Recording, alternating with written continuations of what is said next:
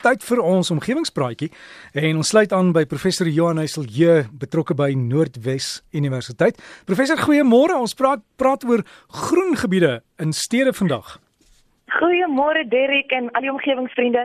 Ja, kyk Derek, vanoggend se se praatjie lê my na in die hart en dit is iets waarmee ek as stads- en streekbeplanner ook baie mee gekonfronteer word. So soos jy nou sê, dit gaan oor die ontwikkeling van ons oop en ons groen areas in ons dorpe en ons stede.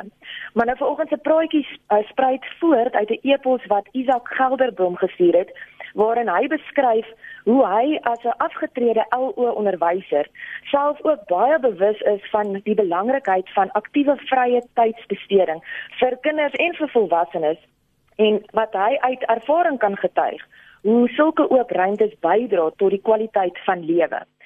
So by so dat hy net soos natuurlik baie ander mense destyds gekies het om 'n huis te koop wat naby aan so 'n oop groen ruimte is.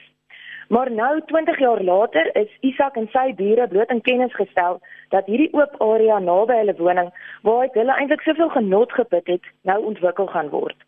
So Isak het toe verskeie vrae hieroor, insluitende vrae oor die wetgewing oor hierdie oop ruimtes, die munisipaliteit se verantwoordelikheid, die proses wat gevolg moet word en natuurlik wat ons dan nou te doen staan. Ek sê ek moet dalk net sê hierdie is glad nie 'n geïsoleerde geval nie.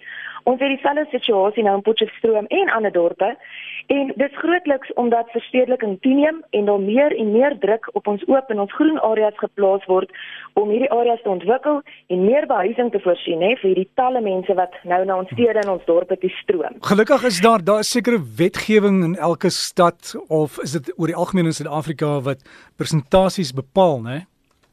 Gelukkig het ons wetgewing, Derek, maar nou wat hierdie groen areas nou eers en so aanloklik maak, is dat dit sentraal geleë is binne die bestaande residensiële woonbuurte.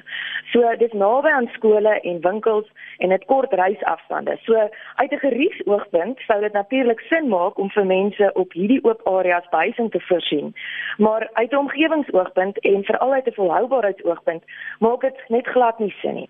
So volgens die Wêreldgesondheidsorganisasie moet daar vir elke persoon in 'n dorp of 'n stad minstens 9 vierkante meter groen ruimte wees.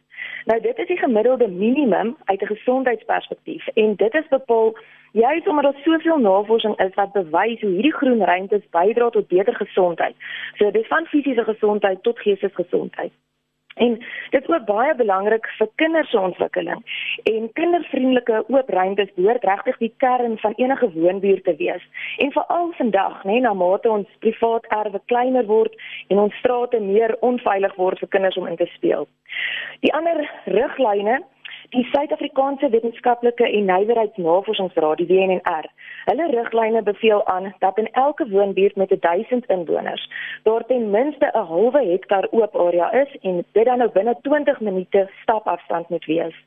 So in beplanningsterme is dit ongeveer tussen 10% en 17% van die woonbuurtarea moet dan nou 'n oop ruimte wees. En hierdie areas word dan in die dorpsbeplanning skema aangetoon en dit word gesummeer as 'n publieke oop area.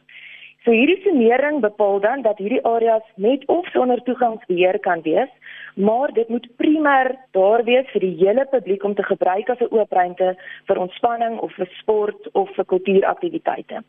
So daar kan ander geboue of grondgebruike ook op hierdie area toegestaan word, maar net as die plaaslike raad van mening is dat hierdie geboue of hierdie gebruike dan nou die oop ruimte sal komplementeer en die primêre funksie daarvan sal ondersteun.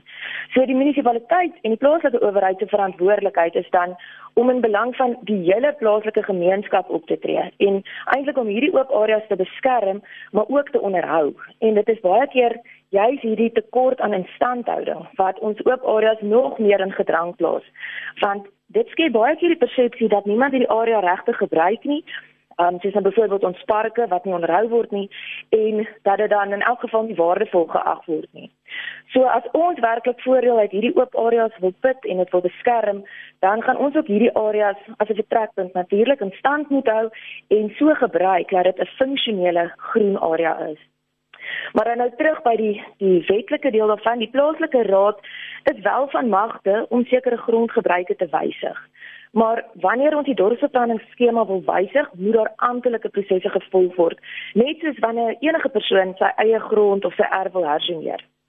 So as die groen areas onder die jurisdiksie van die plaaslike owerheid val en so gesigneer is dat dit 'n publieke oop area is, dan kan hulle nie net sommer sonder kennisgewing uh, of sonder 'n amptelike proses hierdie grond gaan ontwikkel nie. Nee, ek maar hierdie proses is glad nie 'n maklike of 'n vinnige proses nie.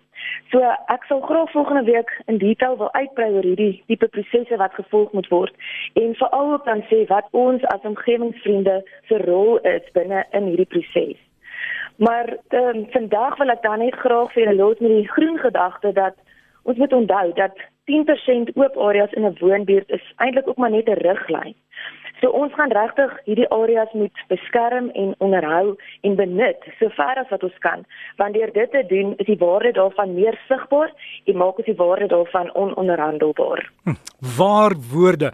Ons sien uit na volgende week se praatjie professor. Dankie Derrick, ek sal dan vir julle in detail kom terugvoer gee oor die proses en wat ons rol is om hierdie areas te help beskerm. Ja, ook as daar uitslag is oor die die vergaderings en dinge oor die groen deel daar by julle in Potchefstroom, sal ons wil hoor. Ons hou jou op hoogte Derrick en ons hoop dit positiewe terugvoer. So gesels ons met Noordwes Universiteit Potchefstroom se professor Johan Heiselje, die omgewingspraatjie gaan loer op die Facebook bladsy omgewingspraatjies meervoud.